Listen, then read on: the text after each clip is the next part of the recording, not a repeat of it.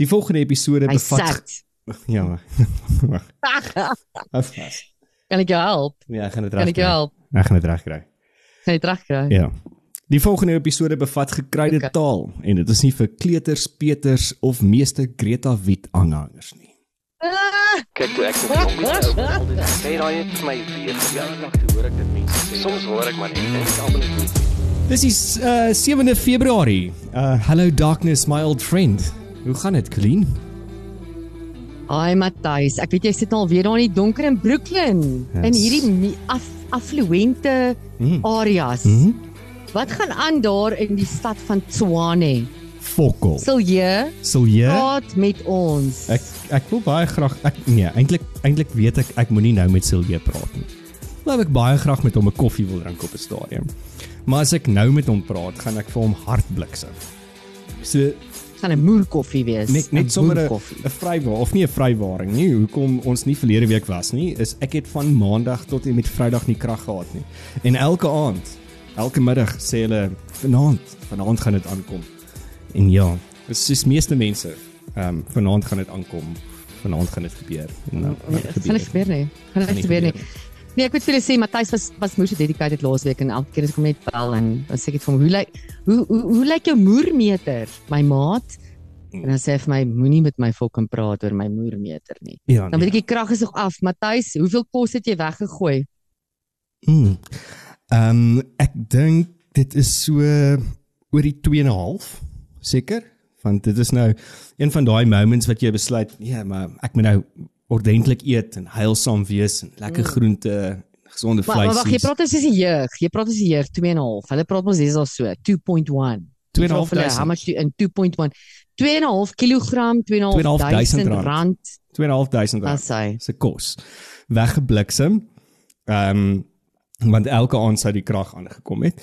En wat vir my die mees interessantste is, hier's nou hierdie hierdie groepie, uh hierdie community group. Kyk, almal is mos nou besmet met 'n community WhatsApp groep.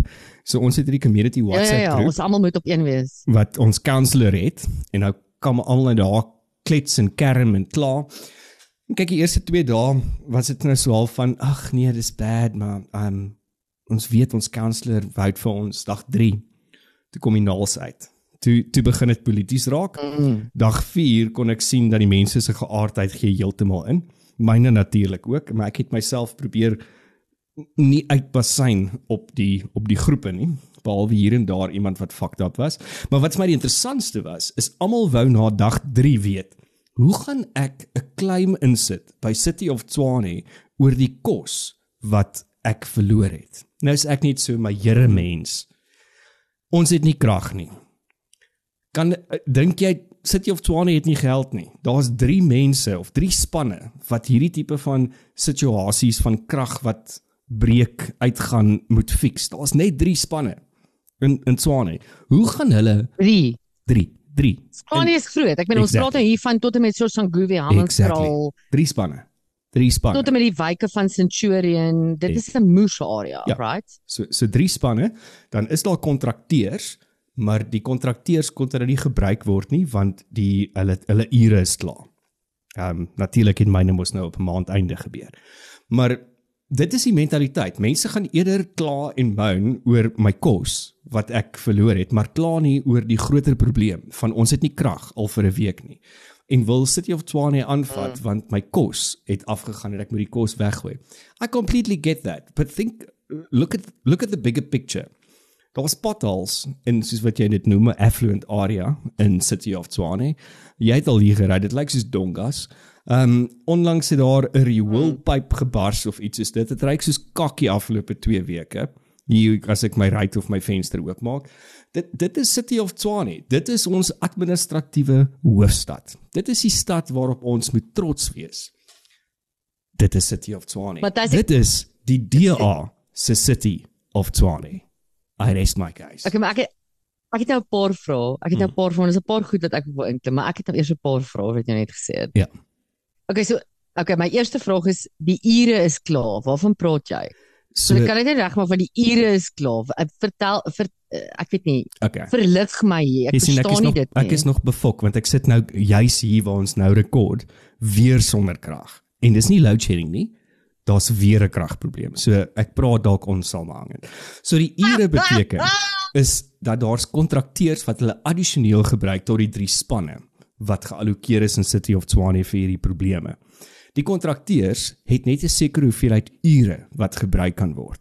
Wanneer die ure klaar is, mag hulle nie verder werk nie want City of Tshwane het nie geld om addisioneel daai ure te betaal. Hulle te betaal nie. Ag, what a shit show. Ja. What a shit So- show. Ek het natuurlik verlede week in Donderdag het ek op 'n stadium gedink ek gaan een van daai jy weet daai borde wat die mense mos wat so half van lyk like hulle so verslons en verslete en dan staan hulle hier by die by die verkeerslig of by die stopstraat en bedel vir ietsie met 'n bord op wat sê Ja. drie kinders kan hard werk, kan tel, is goed in die bed, daai tipe van E- Enige donasie. Enige welkom. donasies welkom, my vrou is siek.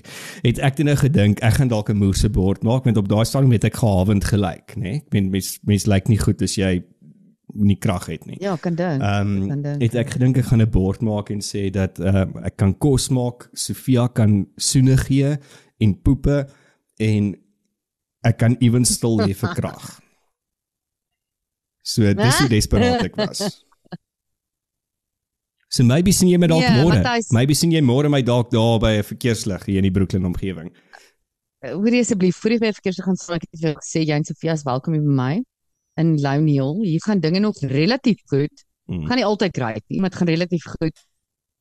Maar Matthys, uh, ja, jy weet ek lag nou oor al die ek weer lig maak daarvan want ek weet jou moermeter is nou weer die hoogte in aangesien jou krag nou weer af is, maar jy weet waar die volk gaan hierdie eindig. Dit is ons taxgeld wat gaan en Mhm. dan, dan is daar nou nie ure nie. Daar's nie ure nie en hierdie mense skaal net af en ek wonder waar gaan dit eindig? Waar gaan hierdie verval? Want kyk ons is in absoluut verval. En ja, ons probeer lig maak daarvan, maar op hierdie program hou ons ook daar graag daarvan om te pak en kerm daaroor. Want dit is ons uitlating.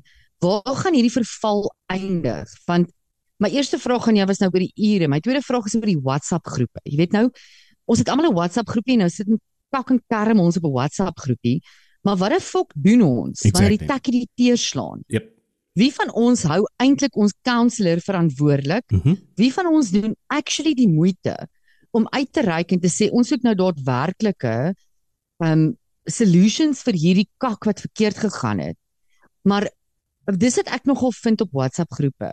WhatsApp groepe het hierdie safe haven geword vir mense wat nie eintlik die ruggraat het om aksie te neem om ja, om een of ander stap te neem towards een of ander progressie. Ek sit eerder veilig op 'n WhatsApp groep. Mhm. Meeste van die tyd het ek een of ander anonieme naam of whatever en ek Ek sit ook nie 'n foto op nie. raak, Daai is nogal iets wat ek nie 'n agtergekom het. op nie. Die mense wat nie Ja, foto's exactly. opsit nie, hulle het net 'n naampie wat so half kripties is en hulle hulle is die wat die grootste armchair warriors is, maar fokol wil doen. Mm. Weet jy dit dit is vir my soos daai persoon in jou vriendekring of jou familie wat konstant bitch en moan oor hulle kak lewe. Maar hulle doen niks daaromtrent Mhm. nie. Maar jy is hulle WhatsApp groep. Hulle kom na jou toe om te bitch en moan daaroor. En en ons kan nie hierdie ons kan nie hierdie goed net toelaat nie, Matthys. Dit is waar ek net absoluut wil WhatsApp groepe wil verlaat. Ek ek stem heeltemal saam met jou Krien en, en dit was vir my nogal baie opvallend en eintlik eintlik vir my baie sad geweest want in die moment wat almal kwaad was was almal saam kwaad. En almal was saam kwaad oor daai insident dat ons het nie krag gehad nie. Mm. Ek het net 'n paar vrae gevra en 'n paar voorstelle gemaak van wat ons as 'n community moontlik kan doen en laat communities moet begin saam staan. Soos wat jy sê, die kanselier verantwoordelik hou. Saam met die kanselier werk om seker te maak dat daar 'n town hall om seker te maak dat Ja, laai julle laai julle vrot kos in 'n bakkie en gaan damp dit voor die Ja, was- voor Silje se huis vol my matter, jy weet. maar almal was toe net weer eens kriek kriek. En en wat vir my die interessantste is, is toe die krag aankom. Etlike minute later het almal net praise him. He did so he worked so hard. Mm. Thank you for everything. En dis daai ding wat ek hoeveel keer sê, dis daai warm water padda ding. En dis wat ek soveel keer op die groep vir mense gesê het as hulle die belaglike voorst of nie voorstellings, as hulle die belaglike uitings maak, dan sal ek net sê, "But what are you doing about it?" Wat doen jy? Wat dink jy kan ons community doen? Dis proaktief. En en die groot ding wat Behalwe teem en skree Exactly. op hierdie groep. Wat En- doen jy? En die ander ding is is moenie net kla oor die krag wat nou af is nie, want die krag gaan weer afgaan. Ons is 'n paar dae later, die krag is weer af. Die potholes is nog steeds nie reg nie. Die sewage loop nog steeds. Wees kwaad oor al die goeters en en en kry beheer en kry voorstelle wat dit nie net vir nou gaan beter maak nie, maar vir môre, die week daarna en maande wat kom. 'n Ding wat ek agterkom mm. is is ek ek weet ons praat van hierdie ding van immediate gratification. Dit is dis die generasie of die era waarin ons lewe. En mense is dadelik net so half van as ek nie nou krag het nie, is dit die grootste probleem wat ek het. As ek krag het, is dit oukei. Okay. Môre is dit weer 'n ander probleem. Maar ons kyk nie na die groter prentjie nie. En ons raak nie betrokke Ja. by iets om die groter prentjie vorentoe te dryf. Mm -mm. Nee, die probleem met dit is Matthys, is daai dis presies wat jy sê, dis daai sustainability wat ons nie raak sien nie. Mm. En dit filter af in ander goed. Jy weet ek ry weer vandag en ek was so geïrk. Nou ry ek hierdie pad hier van Louniel af Midrand toe na my werk toe. Nou ry ek hier deur Kailami. En ons heelwat robotte, nou ons twee twee spesifieke robotte wat al ewig uit is. Al is die krag aan, dan flikker hierdie robotte op, op rooi. So en dit het nou al 'n sport geword in Suid-Afrika. Ons almal weet nou al hoe om 'n vierrigting stop te hanteer. Hmm. Dit is ons sport. Ja, okay, jy gaan, okay, jy gaan, okay, nou is dit jy, okay, nou is dit ek. Dit is soos 'n halfe game. Jy moet goed word daai om om 'n Suid-Afrikaner te wees. Ja. En nou sien ek nog steeds op by elke robot hoe die mense probeer kansse vat. Hoe hulle nie eers afslek en net 'n intensie het om enigsins te stop nie. Hulle gaan dit push. En toe dink ek vandag vir myself, weet ek is nou al lankal verby die punt van road rage in my lewe, dis seker nou maar my ouderdom. Maar nou dink ek vandag vir myself, wat in jou laat jou dit doen? Laat jou, jy weet ek ek ry byvoorbeeld vanmiddag by die werk uit en die lig is groen vir my, die lig is rooi vir die ander mense en ek dis hierdie T-aansluiting waarby ek moet Mhm. uitdraai. En hierdie hierdie trokkie skiep net die lig en die ou waai vir my met 'n moerse smile. So sê ek sorry, maar ek het uit die lig Hmm. geskiep. Jy het my amper fucking afgeskryf, Ja. bro. Maar okay, dis okay vir jou. Nou nou hier's my vraag, Matthys. Waar tot waar gaan ons sit in hierdie pot? Hierdie para in die pot wat wat heeltyd verwarm waarvan jy altyd praat. En nou filter dit so af dat ewen in ons strate is mense so lawless. Jep. Daar's geen meer agting vir die kleinste wet nie. Die kleinste wet dat selfs as 'n verkeerslig werk en hy's rooi, stop ons nie meer nie. Ons kyk of ons voor 'n ander ou kan inry. En ja, dit is dit is eintlik my grootste ten spyte van al die ander kak wat in die land aangaan, die ekonomiese verval, die krag wat nie werk nie, ons politici wat 'n klomp skerminkels is. Ten spyte van al hierdie goed, is dit die ding wat my die meeste worry. Is die die burger op die grond, ons wat wat die ekonomie soort van nog aan die gang hou, ons wat net ons eie lewens probeer lei. Sien al hoe meer dat hierdie mense om my geen agting meer vir die reg nie. Mm. Geen agting vir die kleinste reël. Hulle hulle het geen agting vir jou eie lewe nie. As jy bereid is om sonder om sonder enige kwams 'n rooi lig te skiep en nie eens die briek te trap nie. Wys dit vir my jy het geen agting vir jou eie lewe nie. So hoe die fok moet ek verwag dat jy enige agting het vir die mense om jou se lewens? Mm. Gaan nie gebeur nie. Mm. En en dit is op hierdie stadium my grootste worry. Maar waarvan jy, waarvan af dink jy stem dit? Ehm um, want soortgelyke situasie het eintlik vanmiddag gebeur. Ehm um, toe ek op pad park toe is met Sofia om te gaan stap saam met haar haar hondjie maatjies. En een van die verkeersligte is nou al vir geruime tyd uit. Ehm um, ek praat van omtrent 3 weke. Soos meeste. 'n redelike groot interseksie verkeerslig ook.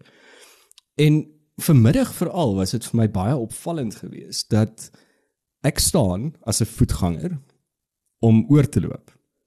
En mense ry asof as you say lawless. Um ek ry vir myself, vir niemand anders nie. Ek kyk nie om my rond nie. Ek ek is op 'n stadium amper in die middel van die pad met Sofia. Toe besluit 'n oomie van 102, hy moet in any case nie meer fucking ry nie. Kan ons ook 'n reël maak oor dit? Ek dink die dag as jy 70 is, moet jy weer 'n toets gaan doen.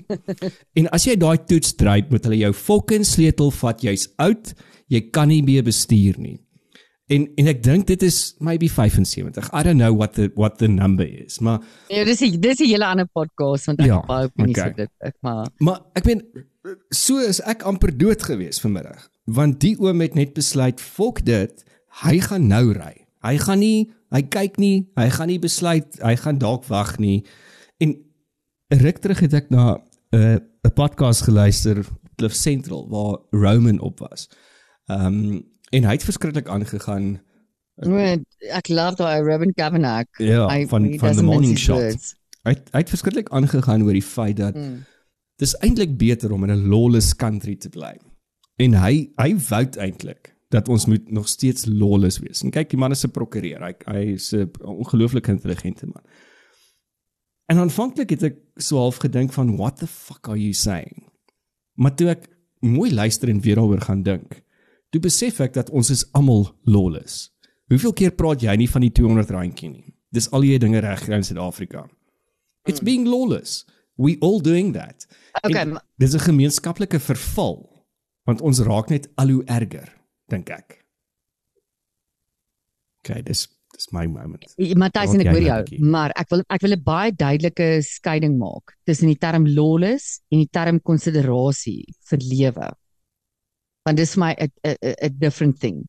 Ja, hierdie land is lawless en ek stem met Roman saam. Daar is baie dinge, ek sê dit baie. Daar is baie dinge in hierdie land wat dit vir ons makliker maak met 'n R200 nooitjie kan jy baie dinge regkry. Hmm. Maar daai menslikheid, daai menslikheid van ek ek ek gee om vir my eie lewe. En daarom gee ek om vir die mense om my se lewe. Dit is dit is vir my beyond lawless. Dit is iets dieper. En ek dink dit is wat ons besig is om te verloor en dit is wat my bang maak. En dink jy dit dit stem ding is op, wat my bang maak. dink jy dit stem op die sê die prepotente brein van veg of vlug, die oorlewingsbrein. Hmm. Dink jy ons is daar? Matthys ek net ek dink dis 'n kompleksiteit van kak wat afgeloop het. Dis 'n kompleksiteit van uneducatedness, um onderwys suboptimale onderwys kak wat afgeloop het. Ek dink dit is 'n kompleksiteit van suboptimale leierskapskak wat afgeloop het. Hmm. Wat nou die die groter bevolking betree het en nou gee ek ek gee niks meer om nie. Ek is soos 'n dier. It's fucking animal farm baby. Ek is soos 'n dier. Ek worry net oor my volgende maaltyd. Ek worry net oor die feit dat ek eerste oor hierdie verkeersinterseksie wil wees. Ek gee nie om of ek lewe of dood nie. Ek wil net eerste wees. Ek gee nie om of ek lewe of dood nie. Ek wil net die meeste eet voordat ek doodgaan. En daai dit is ek meen kyk net na die die algemene en ek diskrimineer regtig nie as ek hierdie sê teen enigiemand in hierdie land nie. Hierdie is feite ouens, gaan kyk daarna. Die algemene intelligensie vlak in hierdie land ehm um, se in comparison met ander lande. Ons is 'n dom land. Ons word al hoe dommer. Ja. En wie se skuld is dit, Matthys?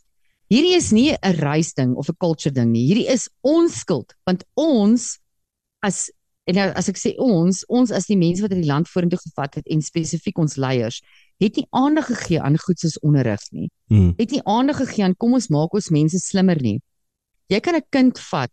As 'n kind nou gebore word, jy kan 'n kind vat. Ons sien dit baie maal nou in hierdie uh, daar's hierdie hele beweging na COVID en lockdown en whatever. Um dis actually scary van mense wat nog steeds nie kinders wat gebore is in lockdown wat nog steeds nie by hulle eie huise uit uit is nie. Ek meen daai kinders word nou 3, 4 jaar oud, nê? Ja. Daai kinders het nog nooit enige ander mens gesien as hulle ouers. So met, met ander woorde, die punt wat ek probeer maak is jy kan jy kan jy as die volwassene, as die leier, het die potensiaal om oor te dra aan die volgende generasie iets beter of iets kwakker. Dis in jou hande. Ja, moenie En in hierdie geval Matthys, in hierdie land is ons besig om kakker en kakker oor te dra aan die volgende generasie. Ja. En kan dit dit worry my en jy weet ja, ekskuus Matthys, sê, sê wat jy wil sê oor want ek wil eintlik nou praat oor oor die oor die verkiesing ook in op hierdie punt. Ja, ja ek ek, ek dink ons ons moet verseker daaroor praat ook maar al met die afgelope naweek wat uh, nog 'n 'n registrasie naweek was en apparently het dit baie goed gedoen. Um die generasie ding is natuurlik 'n podcast op sy eie ook en ek, ons kan bietjie later um gesels oor oor oor die generasie so ek het 'n paar dinge daaroor na aanleiding van die gesprek wat ek en jy gehad het met met Joke. Um maar ja, Ja, dis 'n onderhoud wat nog kom in die, in hierdie Ja, episode ja, wat ons gaan ons gaan binnekort na hom is. luister. So ek gaan ek gaan die generasie ding sal ek pos vir nou nou.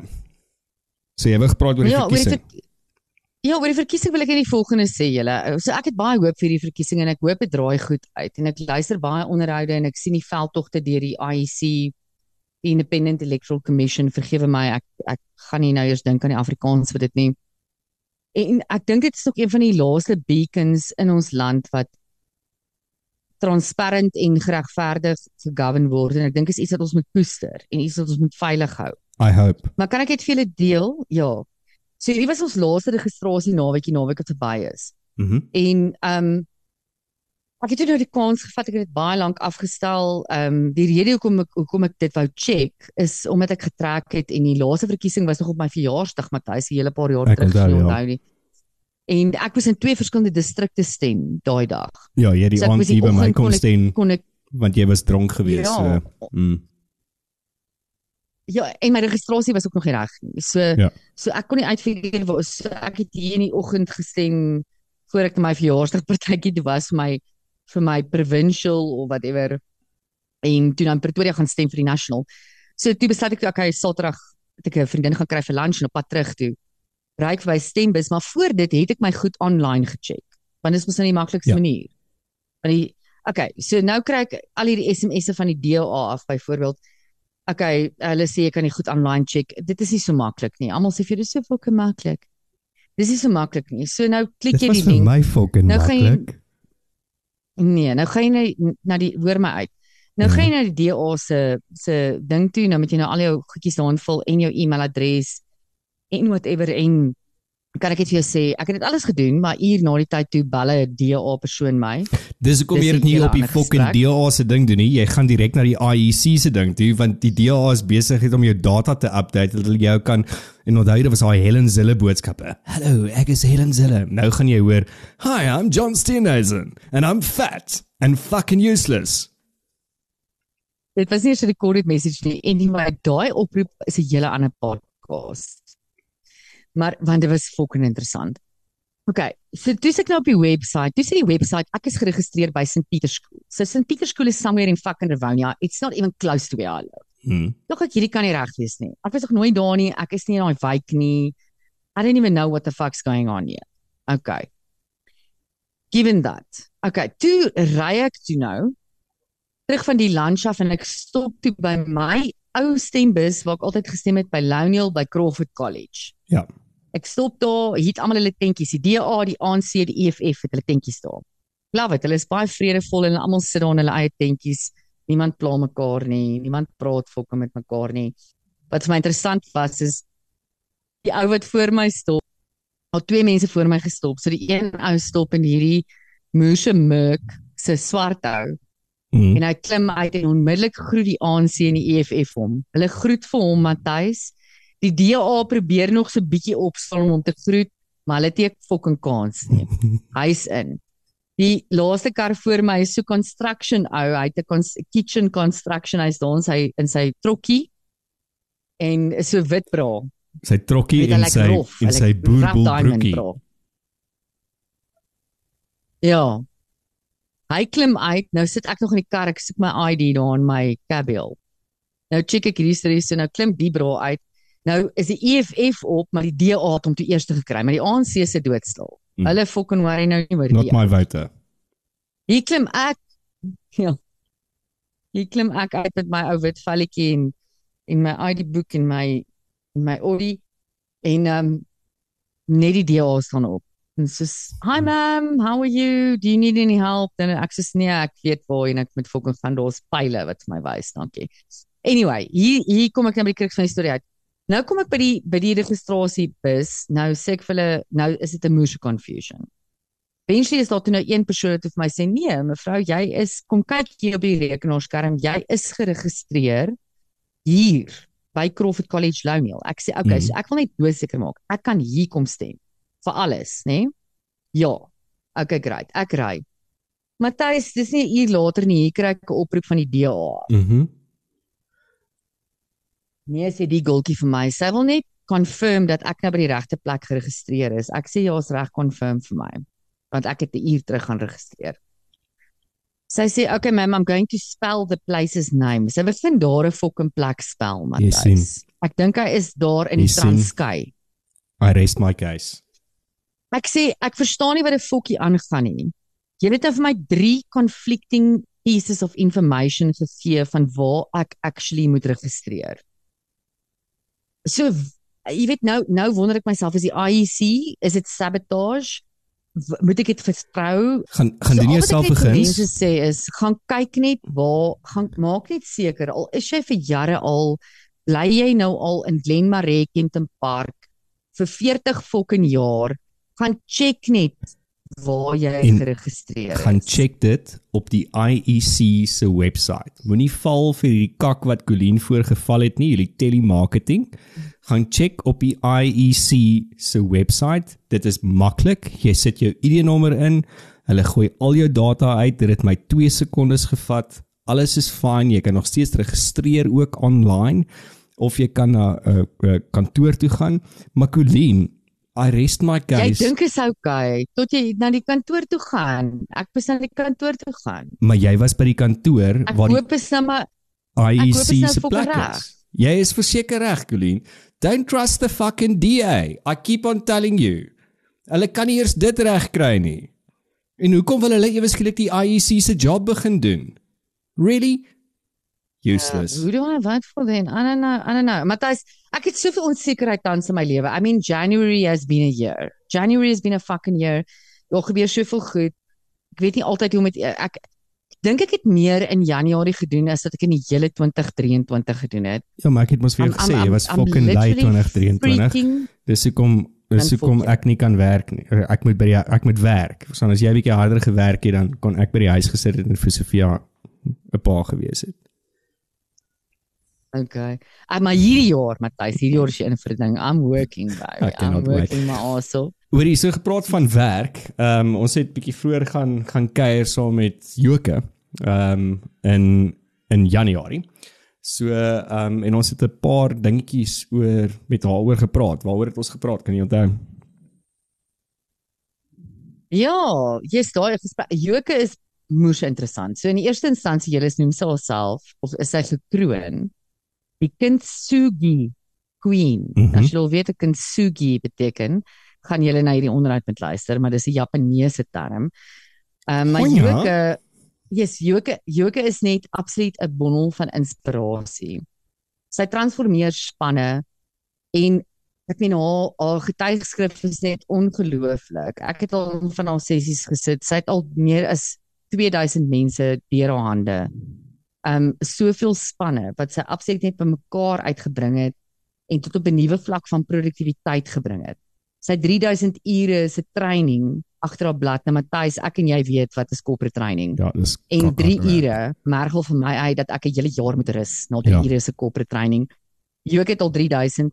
Dan is hy ook nog 'n lewensafrigter met meer as 350 ure se lewensafrigter agter lewensafrigting agter haar blad.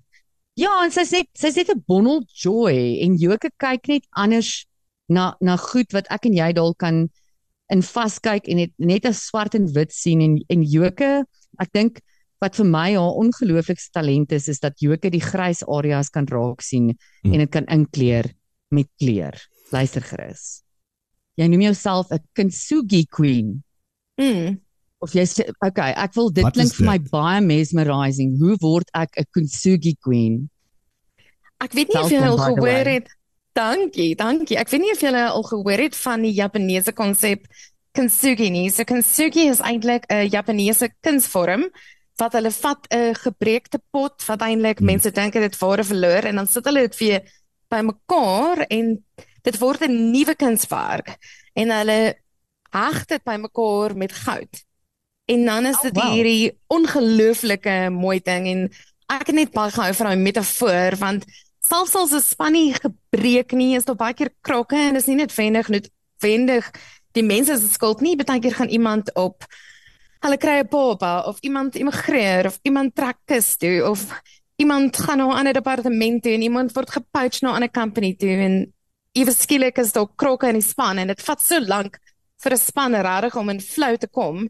So volgens my voel ek die heeltyd is spanne besig om met hulle weer mekaar vind, weer by mekaar uitkom. So dit is nie noodwendig net toxic spanne nie.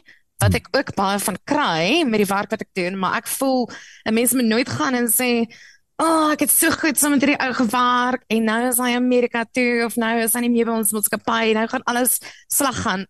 Actually nee, actually kan jy flow vind. Actually kan jy nou dat jy kinders op iets gehad het en weer terugkom in die work environment, kan jy weer heeltemal goed saam met die mense werk. Dit is 'n bietjie effort, maar 'n span kan weer goed saamwerk. Dis my Wat my mooi is van daai vergelyking is dat jy dit jy jy heg die die die pot weer vas met goud. So dis amper daai daai individuele it's not any normal type of glue. Dis nie 'n cheap glue nie. Dis goud. Dis nie En cheap nie. Dis amper daai daai dinge wat 'n stelsel bymekaar hou en vashou is is goud werd, né? Nee? Ja, en dit is dit moet intentioneel wees.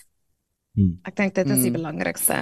So met al die werk wat jy doen en al die ure wat jy agter jou blad het, wat is die grootste krake wat ons sien tans in spanne of in organisasies? Baie mense, baie mense um nog COVID en veral met die hele hybrid of remote wat mense nie meer in dieselfde kantoor noodwendig sit nie, um is vertroue 'n groot ding. Mm. Party maatskappye, ek is nogal geskok. Hulle verwag dat al die mense die hele dag op 'n Zoom call moet sit. Hmm. Want hulle Ek het dit ook al gesien. vertrou actually nie die mense nie, maar waarna dit dit lei as jy die hele tyd op devices is, dan val jou produktiwiteit, jy kan nie fokus nie, kry so min gedoen. So vertroue is massief en baie die ouer generasie dink as jy mense nie sien nie, werk hulle nie. Wat dan ook baie gebeur is of mense is verskriklik um micromanaging, so hulle gaan elke 5 minute, as hulle nie is nou nie op die Zoom call nie, gaan hulle wil hoor. Berlin, wat doen jy vandag? Matthys, wat is weer te doen?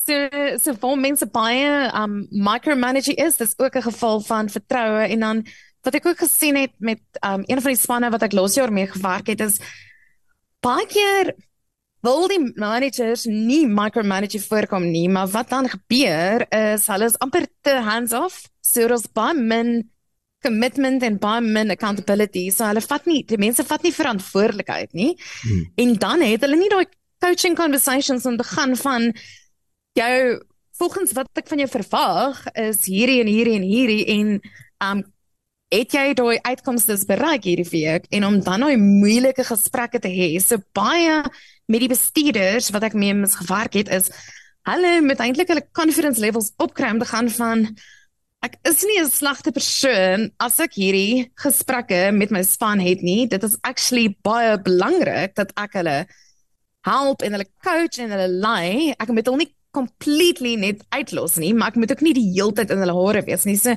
so baie van die mense sê um hulle hulle hulle sê ons het nie die tyd of die krag om daai gesprek met ons mense te hê nie. So dis baie 'n mindset probleem baie keer Matthys met die Hmm. leiers dat hulle hierdie hulle het die belief dat hulle wil nie te erg wees uh, te erg bestuurder wees nie of jy weet te veel maar dan sal dit te hands off of hulle is te micromanaging so ek sou sê is leierskap amper die play-off tussen produ- productivity and popularity. I want to be productive and I want to have a productive team, maar ek dink ek moet dan my popularity sacrifice.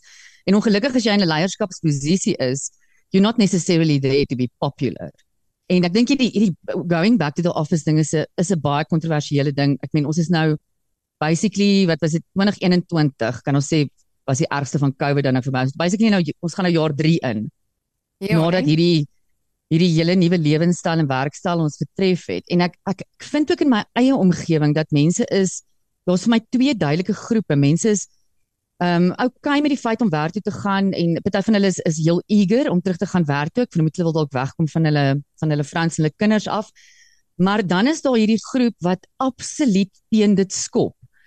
En wat vir my interessant is, Joke, en hierdie is net 'n observasie, ek het geen data om dit te bewys nie, maar die meerderheid van die mense wat teen die meerderheid, nie almal nie, wat teen dit skop is mense wat regtig hulle produkti produktiwiteitsvlakke by die huis in hierdie 3 jaar was skokkend laag. Um, en ek wonder of dit nie ook dalk is, jy weet, dit is nou hulle uitkoms. Ons moet tog daai jy jy praat van ehm um, verandering en en jy weet daai daai behavioral change in mense. Ek meen COVID toe ons by die huis begin werk het, that was difficult. It was a difficult change Mhm. to En nou is ons so set in our ways en nou nou moet ons weer verander en ons ons wil nie. Wat wat wat se raad het jy vir leiers om 'n vinnige verandering of of 'n effektiewe verandering in hulle in hulle spanne ehm um, mee te bring. Jy weet sonder daai ding van ek dreig jou as jy nie terugkom kantoor toe nie of as jy by die huis werk, soek ek jou die hele tyd op Zoom. Ek sou sê die belangrike ding is om te besluit van die begin af wat is jou visie vir die jaar? Wat is jou wat is jou visie as 'n leier vir jou departement, vir jou vir jou maatskappy en om daai dan te kommunikeer om dan 'n 'n vergadering te hê met jou mense en te sê hierdie is wat ek wil bereik. Hoe kan ons dit saam bereik? En dan sekere amper op 'n facilitation manier te gaan van wat het in die laaste jaar volgens julle vir produktiwiteit rare goed gewerk en wat het nie? Wat jy gesien sukkel jy? En dink julle dit kan moontlike opsie wees vir ons om ter wille van span gees en om saam te werk te kyk na 'n paar dae terug in die werk. Soms is dit dan nou soos middel van die week of vir Dinsdag en Donderdag of twee dae 'n week of halwe dag of iets wat jy spesifieke span aktiwiteite vir wie reg toe jy weet insit kan lewer wat jy nou nie hoef te sukkel met die verskillende mikrofone nie waar jy sticky notes kan gebruik waar jy reg goed kan uitmap en amper miskien op so 'n tipe agile manier kan gaan van Wat is die prioriteite vir die maand? Hoe kan ons daarmee werk? Wie gaan wat doen? En dan kan die mense moontlik van daar af gaan en sê, "Oké, okay, ons het daai nou gevat, nou gaan ons hierdie by by die huis doen en daai gaan ons online doen en hierdie is hoe ons gaan saamwerk." Want ek dink alleen wat baie gebeur is, sodra jy net amper 'n diktator is en jy sê, "Dit is wat gaan gebeur. Julle sal nou terug kantoor toe kom." Dan skop die mense hulle inner 2 2 jare gekom uit en sê hel nee, vol as hulle self kan besef. Hulle produktiwiteit sukkel en hulle in watter omstandighede werk hulle beter saam en hoe hulle dit kan doen en hulle amper co-create daai saam maar face to face. Nie dan ja. in 'n Zoom environment nie. So ek sou sê doen dan 'n face to face kry almal bymekaar, maar hê 'n bietjie catering, funky koffie, doen bietjie icebreakers, laat die mense bietjie um unpack oor die vakansie, weet?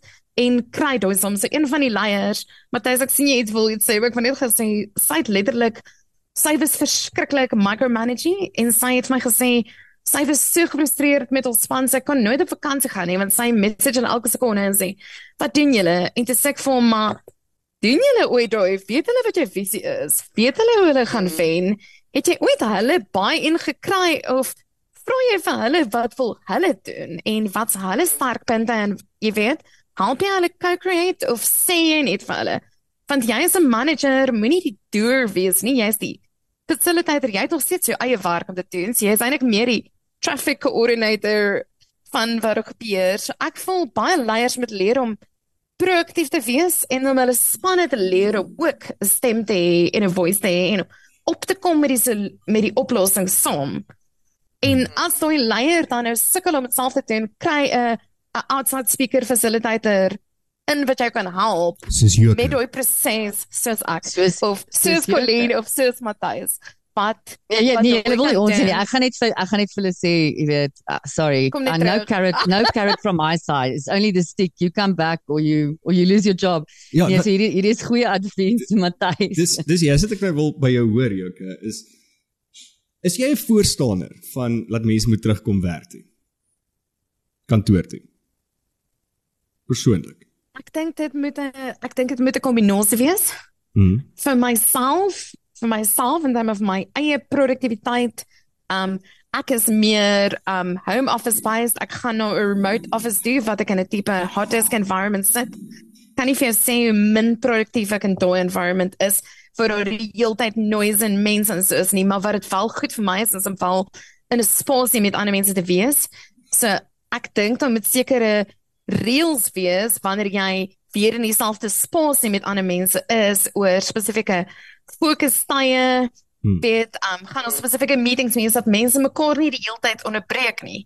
Want baie keer as mense in 'n 'n open office space is vir vir ander kliënte van my het elke persoon hulle eie kantoor daar is hulle baie produktief want mense pla hulle nie die hele tyd nie. So dit hang af van jou van jou setup. En dit hang ook af wie jy Brian, jy is, doen- want party mense doen byvoorbeeld goed in groepe. Hulle kry hulle energie van Ja. groepe af. Ander Ja. mense doen byvoorbeeld beter op hulle eie. Ek het byvoorbeeld sekere take wat ek weet ek op my eie moet doen. Ek het stilte tyd nodig om dit kan verrig, want dan is ek produktief vir daai spesifieke take.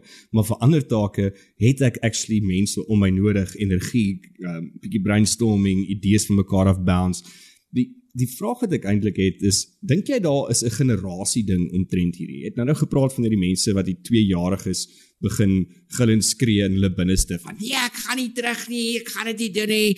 Maar ek meen die wat ek hoor maak sin. Dit ons ons moet ons moet kommunikeer. Ons moet vir mekaar sê hierdie is ons visie, hierdie is ons doel, hierdie is waartoe ons werk. Maar dit voel vir my al hoe meer asof bestuurders en besigheidseienaars mense se gatte moet lek om net hulle job te doen wat hulle voor 2020 gedoen het en gedoen het elke dag by die kantoor. Mm. Maar nou moet ons negotiate, ja. nou moet ek jou gat lek, ek moet jou neusie afvee en ek moet nog vir jou koek en tee gee net om in te kom kantoor toe en jou werk te doen. Ek meen Matthys, ek net kan add op jou vraag. Ek weet ek hoor ek luister gister na 'n program wat hulle hulle praat oor die redes, die hulle navorsing gedoen, redes ehm um, hoekom mense nie wil terug gaan werk toe nie. En dis belaglike goed soos ehm um, ek kan nou nie meer tyd spandeer saam met my diere nie. Ehm um, ek kan nie ehm um, my kinders by die skool gaan haal nie. Wel, wat het jy gedoen voor Covid? Hmm. Jy weet ehm um, jy het nie 'n werk hier, jy het 'n sekere ooreenkoms geteken. Ehm um, 'n ander rede is ek ek wil nie 'n badkamer deel met my coworkers nie. Ek soek my eie badkamer. Sure, nee. So- So ja, dis dis presies wat hy sê. Dis hierdie dis hierdie absolute nou met ek elke dag bells en whistles en great koffie en 'n spasie vir jou hondjie en uh, alles nou doen om jou terug te kry om te doen wat jy agree het jy gaan doen vir whatever se geld ek jou agree het om te betaal. Wat ja, wat ek vir julle wil sê is ek ek hoor heeltemal wat julle sê. Toe ehm um, daar's 'n verskil tussen om mense te lak, maar daar is ook baie elemente van motivering en inspirasie wat gebeur met klein goedjies soos om goeie koffie by die werk te hê. Dit klink nou erg, maar selfs goeie toiletpapier by die werk te hê om Dis belangrik, dit is um, belangrik definitief. So om om sekere ek het laas jaar te doen ek werk met um groot leierskapspanne in Dubai en een van die een van die elemente was alles oor hoe motiveer jy span en een van die klein elemente was gee vir hulle autonomie maar doen meer klein soos um motivational sessions so selfs net gaan en hê jou meeting in 'n coffee shop. So maak dit net 'n klein bietjie meer interessant en um nog 4 weke het met hulle vir my kom terugvoer gee nadat hulle analysis gedoen het en implementation in groepies en ek sê vir hulle so wat het gebeur? Wat het julle implementeer? En die een ou sê vir my o, hy het gehoor wat ek sê, so wat hy gedoen het is hy het die salespan se baie ingekry dat hulle almal contribute vir 'n weekliks sodat hulle somme ontbyt doen het hulle die een dame gekry wat gevolunteer het om soos 'n catering te reël. Nou word dit soos 'n Heritage Day celebration. Elke week dan bring sy kos van Jordanië, dan sit kos van hierdie en ons is en wat gebeur het is hulle doen dit in die kantoor, maar dan lei dit tot innovasie, um verskillende topics, hulle leer by mekaar en hy het gesê die ander hulle was net soos 'n klein departement wat deel van sales. Toe het die ander spanne so jaloers geword dat dit nou 'n hele departementele groot ding geword het vir die mense presentations sodat eintlik soos 'n verskriklike kreatiewe vibe begin kry. En Love um it. dit kos nie eers die maatskappy geld nie. Die mense self contribute daartoe. So ek dink net mense met meer kreatief is. So ek het vir hulle stories vertel van op storie met ek by 'n maatskappy gewerk het. Hulle ook baie klein budgets vir team builds, maar hulle sê toe elke groepie gaan 'n beurt kry um en ons roteer dit nou in maande en ons met 'n team build deel en ons het gaan boeresport speel in Emerentia Betoniese tuin, geen venue koste nie. Al die geld is gespandeer op ciders. Vader het ons Mm. waterballonne en eiers en sulke nonsens gekoop. Hulle wou ons sommer verwyder het daar uit want jy mag blykbaar vir 'n groot groep moet jy betaal 'n boeking maak.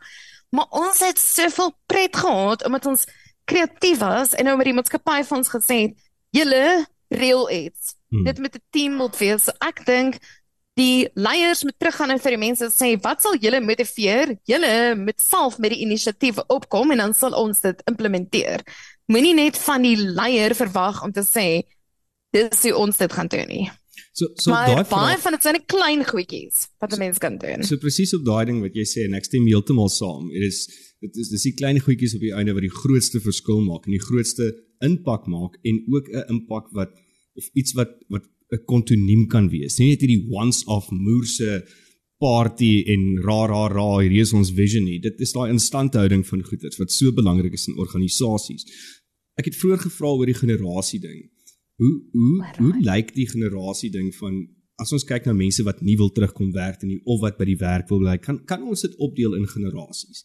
Um en en ek het ek het baie opinies en vra oor hierdie generasies um wat na los my gekom het. Ek het los jaar 'n generations training gegee, maar ek het nie baie oor die heel jongste generasies gepraat. Dit was daai dit was daai tweens die die prime, ek weet nie of julle die craze gesien het van die prime soms daai energiedrankie Mm. wat En al die klein kindertjies wou gehad het en toe Ja. post hulle millennial ouers nou toe die millennial ouers nou hierdie videoetjies gemaak oor hoe hulle dit proe. So volgens my gaan die millennials die hardste terugskop en die generasie net jonger as hulle, dis wat ook nou net uit die skool uitgekom het. Want baie van Yes. hulle was actually het meerderheid van hulle 'n groot gedeelte van hulle skoolopleiding het hulle actually en selfs universiteit oor Zoom gedoen. So hulle is nou baie gewoond aan daai, jy weet, ek is um ek is op nou tegnologie en hulle is ook baie entitled en dit is baie keer die mense waarmee die um baby boomers wat die ouer generasie is wat soos half die eienaars van die besigheid is, topdirekteure, baie van hulle is boomers en hulle is tipies daai mense wat hulle het verskriklik hard gewerk. Hulle werk nog steeds verskriklik hard en hulle verwag dat mense verskriklik hard werk. Ek glo ons wat hier sit is generation Xers as ek dit Ja. reg het, Matthys en Colleen. So so meer van um ons ons het ons opinie, ons wil nie hê mense moet vir ons voorskryf nie, ons wil self besluit, maar tog as 'n boomer vir jou sê doen dit, dan gaan jy dit nie doen. Soos jy sê, hoekom hoekom moet die mense gelak word? Want 'n generation X sou gaan dit nie doen, vir 'n millen- millennial gaan hoekom? Moet ek dit Ja. nou doen? So- so so die millennials baie van die opinie moenie vir my sê om nou te jump nie, ek wil self besluit. Okay, so hoe bestuur ek dit? As 'n bestuurder, ek ek is 'n ek is 'n uh, generation X of ek is 'n boomer, ek sit met hierdie hierdie see van millennials wat hier voor my is, nê? Nee? En hulle wil net lekker mense wees. Hulle wil praat oor hulle feelings. Ja, en hoe hulle voel en en hoe allerlei sulke goeders. Hoe bestuur ek dit? Hoe bestuur ek daai generasie? Want ek dink dit is as ek luister na mense en en enige plek waar ek kom en ek hoor hoe mense praat, besigheidseienaars, bestuurders, is dit 'n groot krisis oor hoe om daai generasie te bestuur en ek dink persoonlik die generasie na hulle, die wat is dit nou weer Colleen? Die Die Zers, ja, hulle gaan Generation Z. nog moeiliker Yes. wees. So kom ons fokus want die millennials op die stadium is die grootste um, ek dink employee korps in die wêreld. So hoe hoe bestuur ek hulle? Hoe hoe kry ek hoe kry ek resultate uit hulle uit? Wat Jy bestuur hulle nie Matthys, jy laai hulle agter op jou ventertjie en dan ry jy hulle rond dat hulle niks hoef te doen nie. Een van die goed, een van die goed wat ons gedoen het by daai maatskappy was om om die mense basies inligting te gee oor die verskillende gerasies en actually te kan sien waar val hulle in. En nie noodwendig oor wat die data sê nie, maar om te kyk nou wat se behaviors en wat interessant was by daai maatskappy, alhoewel meerderheid van hulle millennials was, het van hulle baie generation X en selfs baby boomer tendencies gehad. Hmm. So ek is Ja, baie dis dis baie die waar dit ons skeer nou almal oor in 'n dieselfde boks kam. sit. Ek kan nie. Ja. Jy kan nie mense in Ja. 'n boks sit nie. So dit was baie interessant. Dit was soos flipcharts en dit het ek nou al die verskillende behaviors en toe moes hulle en ek het nie gesê wie is wat nie. Ek het net gesê wat wat 'n dot en dan gaan merk jy jouself. En dit is almal omtrent op al die verskillende vlakke, maar toe ek toe nou deur die verskillende um data gaan oor wat die verskillende generasies is, toe besef hulle maar daai persoon, daai manager is definitief 'n boomer want hulle is so micromanaging, hulle werk so hard en wat hulle op die ouene gedoen het is om actually met daai mense te gaan praat en te sê wat verwag jy van my en wat verwag ek van jou en hoe kan ons beter saamwerk? Hmm. So as die verskillende generasies kan gaan en actually daai gesprek hê van wat kan die millennial leer by die boomer en wat kan die boomer leer by die millennial? So ek was einde los jaar by 'n AI event en toe toe sê omtrent al die mense by daai maatskappy Wizans dat daar's omtrent meerderheid millennials vir 'n werk en die eienaar is 'n baby boomer. En sy is nie baie oop vir spesifieke um nuwe tegnologie en so nie. Maar hulle kan al leer om meer oop te wees vir Canva, verskillende verskillende um tools wat in die besigheid gebruik kan word. So so eintlik daai skills transfer en cross mentorship oor hoe om saam met mekaar te werk. Dit was een van die goed wat baie groot actually in daai training sessie uitgekom het van wat die mense letterlik wat mekaar jy- gepraat het. Ja, ek glo wat jy daar gedoen het, wat jy dit nie in boksies sit vol- volgens generasies Mm. nie. Ek meen ek weet ek ek damp nou heavy op die millennials, maar dis maar vir dramatiese effek. Ek werk ook daarmee saam met 'n paar excellent millennials. Ja. Um, maar om om my om my stigmas weg te vat en net te sê hierso's characteristics, sê vir my waarmee identifiseer jy? En en dan te sien dat mense oor generasies identifiseer eintlik met baie van dieselfde Hmm. goed. So ja, ek dink dit is 'n baie waardevolle metode om um cohesion en um weet is 'n sin van ons stem saam oor goed uh, te kry. Ek dink baie van die konflik kom as gevolg van die feit dat ons in in verskillende kontekste mense label. Um en dan Definitief. onmiddellik met 'n preconceived, jy weet, die, die nuwe aanstelling kom ingeloop en Colleen rol reeds al oor want ag, dis 'n millennial. Jy weet, om eers te gaan uitvind wat wat is belangrik vir daai persoon. En miskien het ons tog baie in gemeen.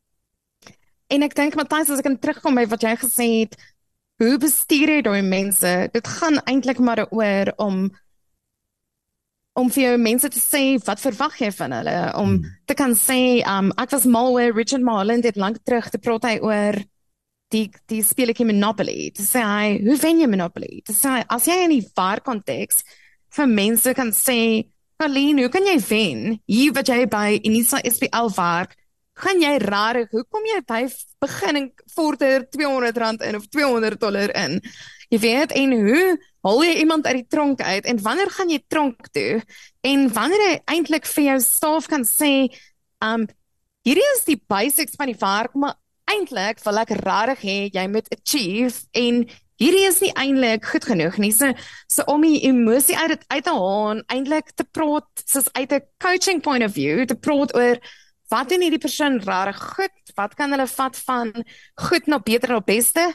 En waar waar is die areas waar hulle rarig op kan fokus en kan jy hulle help? Is daar 'n training kursus? Is daar 'n coaching kursus? Maar wat baie mense doen is hulle kla net. En hulle Hmm. kla by die ander bestuurders, maar hulle het nooit die tyd of die energie om met sy actually spanlid te sit en sê, "Pauline, ek weet jy is 18 jaar oud of wat, wat ek al dit nou is en um jy het seker al jou skool op op um jy weet oor Zoom gehad, maar hier wil ons jou actually in die kantoor hê en die rede daarvoor is ons gaan goed saamwerk, ons is 'n design span, ons moet eintlik op die max saam kyk, ons gaan saam praat oor idees, ons kry goed soveel vinniger gedoen. So baie wat met die millennials gebeur, want hy sê hulle wil weet hoekom. Ja. En die booming boomers, hulle wil dit nie sê nie. Hmm. So wat baie gebeur het met nie. span is die Dis- boom dis- dis boomer managers, dit vir my gesê. O my jette, ek moet actually konteks skep sodat die persoon verstaan wat is die uitkomste wat ons wil hê en hoekom moet ons hierdie doen? Wat is die groter prentjie? Wat is die purpose? En hoekom is dit belangrik nou en op watter manier verwag hulle dit? Want die managers sal gaan en hy gee net so 'n een lyn instruksie en dan is hulle verskriklik kwaad daai persoon nou nie 'n PowerPoint presentation gemaak het wat aan 'n bank voorgelê kan word vir 'n nuwe produk vir finansiering nie, maar hulle het nooit vir hulle gesê dis voor hulle dit wil gebruik nie. Hulle het gesê bring vir my daai stats op. So ek dink mense moet meer vra vra en meer uitvind um waarvoor is dit as die persoon nie vir jou goed genoeg inligting. Gee nie, vra die vrae en gaan dieper en dieper en dieper tot jy regtig weet wat jy wil hê. En dis wat hulle baie sê met millennials wat mense irriteer. Hulle vra baie vra, maar e, wil jy nie eerder hulle met jou verstaan nie? Ek dink ook die ander ding vir my is is ek ek is baie oop vir vrae. Ek ek hou daarvan want ek mm. dink Mm. so leer ek op en ek kry ook ander insigte. Maar wat ek partykeer agterkom en weer eens ek gooi nou 'n groot laken oor die millennial korps is dat dit is nie wat hulle vra nie, dis hoe hulle dit vra. Daar's my partykeer 'n klein bietjie self-righteousness en 'n bietjie passive aggressiveness by 'n uh, by die manier. So dit, ek dink dit gaan oor die aanslag want vrae is belangrik. Dit dit is 'n deel van kommunikasie en veral van 'n employee na leier en vice versa. but it's not what you say, it's how you say it. En dit is 'n ding wat ek baie keer in my opinie wonder of daai millennials daai tak het. En dit is 'n uh, dit is 'n vaardigheid wat geleer kan word. Hmm. So baie met daai maatskappy wat ek baie werk doen het, het ons baie kultuurwerk gedoen oor hulle hulle core values en van hoeveel hulle wat's rarig vir hulle belangrik. So sê net maar um kliëntediens is vir hulle baie belangrik. Die manier hoe jy die foon antwoord of hoe jy met 'n kliënt praat, gaan 'n baie groot invloed hê op kliëntediens. So wanneer jy wanneer jy kultuur inbring in jou performance discussion of in jou gesprek met jou mense, dan kan jy rooi goed aanspreek, maar baie mense doen dit nie. Hulle sê net hierdie is die KPIs, maar wanneer jy dieper gaan, baie van die goed wat geleer is vir die ouer generasies, het die jonger garde nog glad nie geleer nie. Hmm. En dit is kom daar is maar 'n ding soos 'n graduate development program of 'n internskap wat jy eintlik die sagte skills met leer oor hoe om met mense te werk en hoe om met mense te praat want hulle is nie jou maatjie nie jy moet respakkie. Ja, dit is nie net die millennials wat 'n bietjie soft skills nodig het nie. Ek moet sê, ehm um, reg deur die bank van ouderdomme is daar mense wat kan doen met 'n bietjie uh te skoei aan hulle soft skills. Dit dit is daai ding van Maya Angelou, daai quote quote wat sy altyd wat sy gesê het, mm. ek gebruik dit nogal baie. People will not remember what you say to them, but they will always remember how you made them feel. En en dit gaan mm. na beide kante toe. Dis vir my emosionele intelligensie ek dink emosionele intelligensie is die mees onderskatte ding en om te kan luister. Jy kan hmm. luister en curious wees en emosionele intelligensie kan jy um daar was 'n quote van Calvin Cooley wat gesê het nobody ever listened themselves out of a job. Oh, awesome. Ja, mooi quote. Dis so waar, né? So, mm. Joke gee vir ons 'n 'n 3-punt plan of 'n 5-punt plan. Dis die begin van die jaar. Mense moet dalk moontlik nou hulle hulle mense bymekaar kry, hulle mense motiveer vir hierdie jaar. Ons weet nie hoe die jaar gaan lyk nie. Daar's 'n klomp omstandighede wat gebeur. Ons sit met 'n groot verkiesing voor. Ons sit met Eskom se load shedding. Ons sit met druk in die ekonomie. Um dit, dit is dis moeilike tye. Ons kom nog uiteindelik die nagevolge in my opinie van COVID af uit. Meer besighede is besig om nou te val as gevolg van die naderdraai van COVID.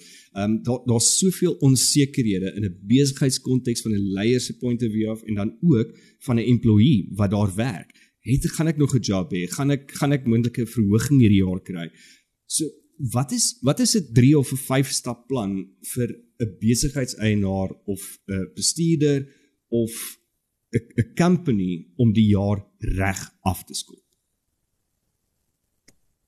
So hou 'n vergadering, so stuur 'n uitnodiging van jou mense by hulle by mekaar in dieselfde venue en voordat jy dit doen, bepaal jou agenda, wat voel jy self as 'n leier bereik? So kom op met jou met jou roadmap of jou visie en kommunikeer daai vir die mense. Maar hou dan ook 'n facilitation session daarin en die tipe vrae wat jy daar kan vra en jy kan dit baie interaktief doen met flipcharts, post-its en so aan is een van die goed. Wat het in die laaste jaar rare goed gevaark? Ek kry mense om daai uit te kry. Wat het nie goed gevaark nie? Wat wil ons graag herhaal en wat wil ons in die asblik gooi? Waar het ons energie spandeer wat nie die moeite werd was nie? wat het vir my persoonlik joy en energie gegee in my werk waarmee ek dink ek rarig goed is en waarvan het ek glad nie gehou nie. En kyk of daar van daai goed is waar daar ook rolle geskuif kan word of um spesifieke tasks kan oorhandig word aan ander mense of miskien is dit 'n mindset minds, mindset shift wat moet gebeur by die mense spesifiek. Um wat jy ook kan doen in 'n sessie is 'n tipe van 'n SWOT analysis, so wat is ons strength, weaknesses, opportunities, threats. Um een van die goed wat jy gesê het Matthys van nou soos in terme van die regering, um die verkiesing, load shedding en so aan. Dink aan die risiko's. Dink aan wat is die slegste dinge wat moontlik kan gebeur en watter planne kan ons in plek sit indien so iets gebeur. Hmm. So um 'n bietjie scenario planning. Ons was die Ja, ons ons was ons was in Desember was ons in Samenstown te die berg afgebrand het en ons moes letterlik daai ont soos 10 dae wag jog Kaapstad toe om ander akkommodasie te kry nadat ons baie fyn in het. Omdat um, ons besef het, te laat besef het dat die situasie is heeltemal onveilig en ek wil eintlik nou 'n projek doen oor wie kan jy bel? 10 dae in die aand as jy 'n krisis het en in jou besigheid het jy risikobeplanning en kan jy sien wat is die tekens dat jy nie wag tot die laaste minuut wanneer jy geen meer krag of energie het nie en dit verskriklik exhausting is. So moet daai goed is preempt. Hmm. So so so in a nutshell, kry die mense by mekaar, um hê jou visie, hê spesifieke vrae wat jy wil vra, doen 'n facilitation sessie. Wat het gewerk, wat nie gewerk nie, wat vir ons herhaal, wat vir ons um in die asblik gooi, is daar iets wat jou joy gegee het wat jy graag meer van wil doen hierdie jaar? Is daar spesifieke kliënte wat jy glo um soos al vir hitless van top kliënte.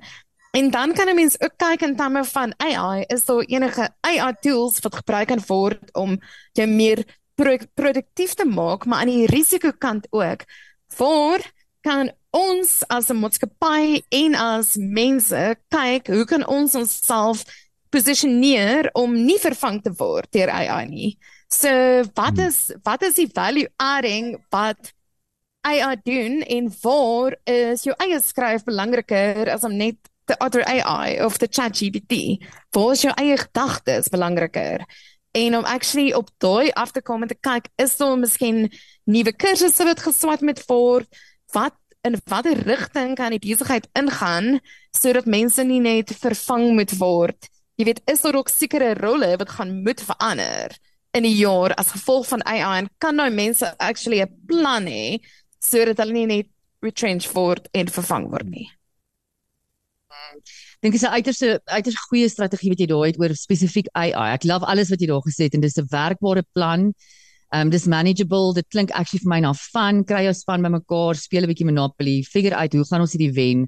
Wat is die obstacles in ons pad wat ons dalk kan verhinder? Maar hierdie hele konsep rondom AI wat almal so vreesbevange is oor Joka, as mens ons moet net met ons mense begin praat daaroor.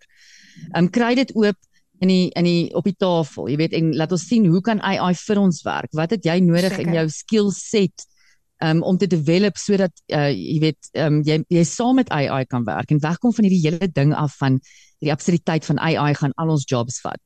Um, ek dink daar is baie mense se jobs wat um, AI eerder moet oorvat. Ek sien nou eendag 'n video op Instagram van baggage handlers. Ek dink dit is in Australië.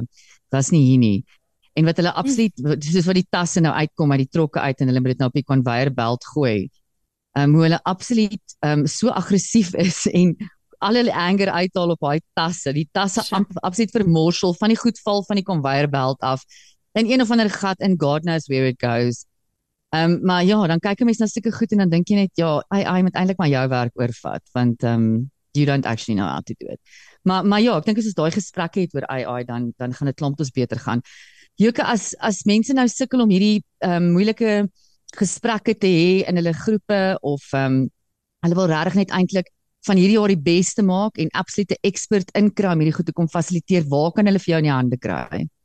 Op my webwerf by white-connect.biz, maar ek sal vir julle al die links gee vir onder in die gooi ook. Baie dankie.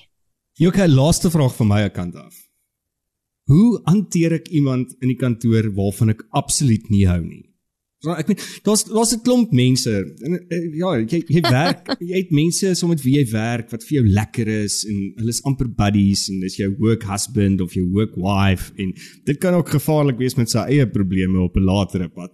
Miskien val jy in jou work wife se skaamdele in en dan is jy moontlik in 'n egskeiding betrokke, maar ehm um, hoe hanteer ek mense wat ek niks van hou nie. Abraham Lincoln het iets oulik gesê. Hy het gesê ek hou nie van 'n man nie. Ek moet hom beter leer ken. Meerderheid hmm. mense het iets in gemeen. So soms as jy in Suid-Afrika gaan gaan van ons is Suid-Afrikaners.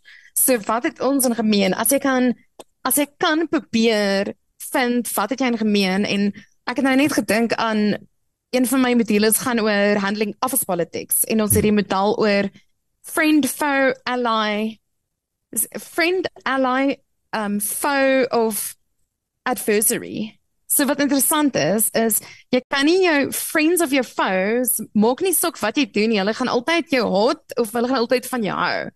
Maar wat jy wil doen is jy wil eintlik 'n foe wat nie van jou hou en jy wil jy verander in 'n adversary of 'n ally en wat jy kan doen is jy moet probeer uitvind wat is hulle ultimate goal? Wat wil hulle bereik? Wat is dit wat hulle terughou om daai goal te bereik en as jy saam met hulle moet werk en hulle is van 'n ander departement, as jy weet vir daai is praat met mense, vra vir hulle wat wil jy bereik? Wat is jou goal vir hierdie maand of jy weet, hoe kan ek jou help? As jy kan sien hoe hoe dit wat jou doen, wat jy doen, hulle kan help, sal hulle outomaties inkoop by dit wat jy doen. Hmm. Want wat ek baie gesien het is, ek het baie vriende, maar hulle is nie actually allies nie. Hulle gaan nooit vir my referrals gee, hulle gaan nooit besigheidsgeleenthede gee nie. Hulle sal net jou Facebook post like, maar jy het actually meer allies nodig. Hmm. So meer mense moet actually weet wat jou goals is en hoe hulle jou kan help daarmee sodat jy in daai rigting beweeg.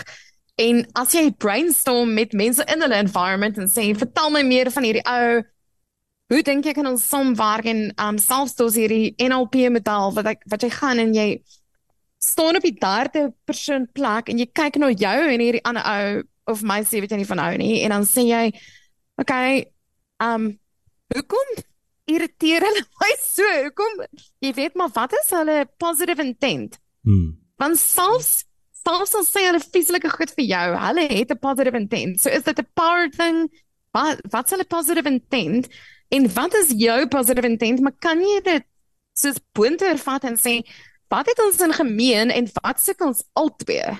Ja. En wat kan ek leer by daai ou en wat kan hy leer by my en so dis 'n hele NLP proses wat hulle noem um third perceptual position wat as jy daai doen en jy sit letterlik die stoele neer en jy gaan sit op jou stoel en jy maak of daai persoon nog sit en jy gaan sit in sy stoel en jy het daai hele gesprek en ek moes dit al gedoen het wat mense my al laat huil het oor hulle Facebook comments en ek voel soos ek kan nie glo hierdie persoon is so vieslik nie. En sonder dat ek met daai persoon gepraat het kon ek daai hele ding uitfigure om te sit soos wat ek sit te gaan sit soos hulle sit en heeltyd die rolle te verruil en dan op die daar op plek te gaan staan en vir myself te vra hoekom tree hulle se op? Hoekom trek se op en ek kon heeltemal vrede in my hart kry.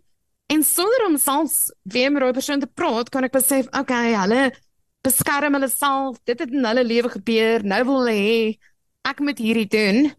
En ek kon kalm wees daaroor en vrede te maak daaroor. So ek sê maar net ek weet nie of dit jou vraag beantwoord nie, maar daar is 'n paar maniere hoe mense dit kan doen. Nee, dit help Jy moet verseker. nicer wees met die mense, Matthys, wees Dit- nicer met die mense. Dit help verseker en ek dink as daar 'n hele paar ander mense is wat ook nou besef het jy het nie net een stoel nodig nie, jy het 'n hele auditorium nodig soos ek. Dan ehm dan moet jy onthou om met Joke kontak te maak van Y Connect en al haar besonderhede en kontakbesonderhede gaan aan die onderkant van die podcast beskikbaar wees. Joke, ongelooflik baie dankie vir jou tyd, vir jou kennis wat jy met ons gedeel het, die raad wat jy met ons gedeel het. Soos ek gesê het, dit is die begin van die jaar, dit is 'n lang jaar en en ons het almal bekommernisse, maar as ons in gemeenskappe, klein gemeenskappe of dit by jou werk is, jou span is, jou gesin is, wherever, as ons net eers daar begin en mekaar verstaan en weet wat is ons doel en visie vir 2024, vermoed ek ons almal gaan lewendig hier uitkom. Indeed. Dit sal goed wees, uit net om hier nou te lewendig. luister weer. Baie dankie. Baie dankie met julle te gesels. So dit was dan nou Joke gewees en klomp interessante goede oor veral oor leierskap en, en ek dink is nog al belangrik waar ons nou is op die stadium is om En dit Of is generasies. En generasies, Dit was, ja. dit was nog of my ja, awakening. we'll, we'll talk about that now. Maar net dat uh, ek dink jy het ook vroeër gesê um, dat jy hieroor wil praat is dat we cannot accept this new normal anymore. This this post-COVID new normal of dat COVID die nuwe normaal is. We have to get out there. En en ek dink is met soveel ander goeters. Nie net by die werk, nie net in jou persoonlike lewe, in besigheid en maar ons is in communities nie. We need to get out. We need to get active again want ons is almal passive. Matthys, daai hele term the new normal het van die ultimate vloekwoord geword. Ja. Like ek kan vloek nie, ek kan enigiets sê. Ek ek mind nie, jy het al geleer. Maar the new normal is my so 'n vloekwoord. because it, was never normal. It was an abnormality. Hmm. And we need to get back to normal now. En ophou verskonings gebruik. Anyway, ja. Yeah. Yeah, we just need to get back to to what it is and what it was and whatever makes you happy. Um so die generasie ding. Um ja, ek dink kom ons los dit vir vir volgende week. Ek het ek het actually baie om te sê en hierdie raak nou al lank mense seker nou al gatvol vir my en jou. Um 'n belangrike ding natuurlik Colleen hierdie week um is die staatsrede van Squirrel. Die die staatsrede. Talk about a new normal. I mean the new dawn. The new dawn. We're still waiting for the fucking dawn, squirrel. We're still waiting for the dawn. En nou wonder ek wat hy gaan te sê het. Ek ek kan dit nou al predict, Matthys. Ek het die eerste deel van sy staatsrede gaan gaan oor congratulations vir almal wat alles gewen het in sport. Mhm. Van die Springbokke tot Driekus tot die eh, die of wat hy dan die Grammy gewen Ek wonder of hy Driekus gaan actually mention. Hy sal moet dit sal PC wees. Nee, ge- luister nou vir my baie mooi Matthys, vat my hy woord melk? hiervoor. Vat my woord hiervoor. I'll bet you a tequila. Hierdie ou gaan vir ten minste 20 minute aangaan oor die Springbokke. Hy gaan dalk nie Driekus noem nie. Daai is 'n Hmm. daai is 'n op die Ah, weegskaal. ek Ek weet nie, want hulle like nie vir nie? Driekus baie. Exactly, want hulle is bang vir Driekus want ons Mm. weet nou wat ons weet. Mm. Hulle weet nie wat ons weet. Tyla se Grammy gaan verseker verseker ten minste 2, 3 minute opvat. Mhm. Bafana Bafana wat ook nou nou ek dink hulle speel môre aand hang af hoe hulle môre aand doen, hang af of hulle hoe hulle die staatsrede gaan maak. Maar dan gaan dit nou wees oor al die load shedding kak en en en, en ek lees ehm um, wie die En mining in Durban gebeur in, in Ekskuus, hulle gaan natuurlik ook sê hoe goed was die matriek uitslae gewees. En dit was dit was O, ja, ja, briljant. ja. Onthou van dit. ja, hoe goed was die kak matriek uitslaa? Mhm. Dan kom ons ek ek ek en ek ehm um, kritiseer nie die uitblinkers nie. Die uitblinkers julle het fenomenaal gevaar, maar as ons kyk na die die groter bulk van die uitslae en die average, dit was pretty kak. So hy gaan maar aangaan oor dat die kleur van die kak was nie te kak nie. En ehm um, ja, dit was net 'n 'n vooroploop. Hy het nou vandag gepraat by die mining in Durban wat begin het ehm um, gister in in Kaapstad. uh, Kaapstad. Die groot mining in Durban.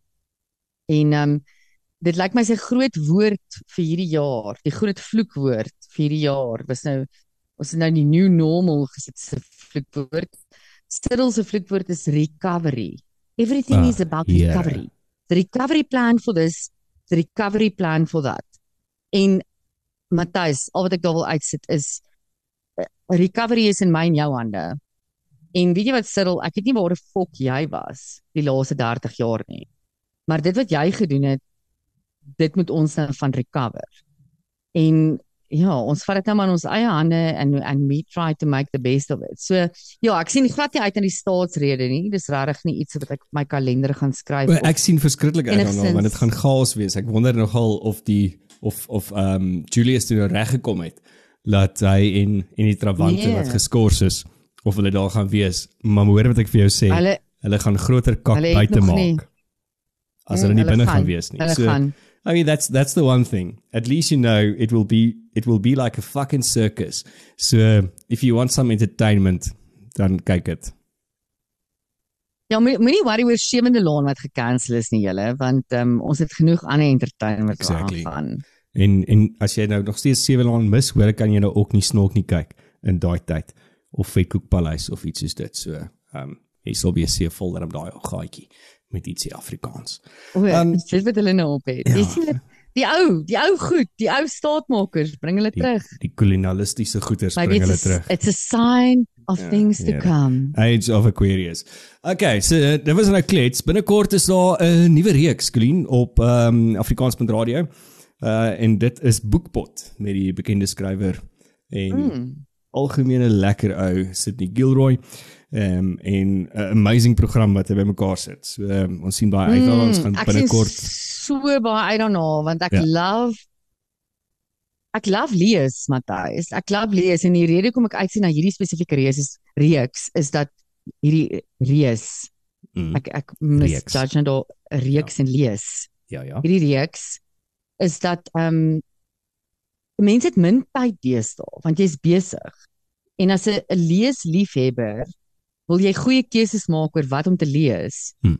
En en wat daai daai daai vrye tyd vir jou gaan maksie, jy weet tot 'n maksimum kan vul. So ek ja, dit is die rede hoekom ek uitsien na Sydney Gilroy se reeks. Yes, so Bookpot begin binnekort. So onthou om die socials dop te hou.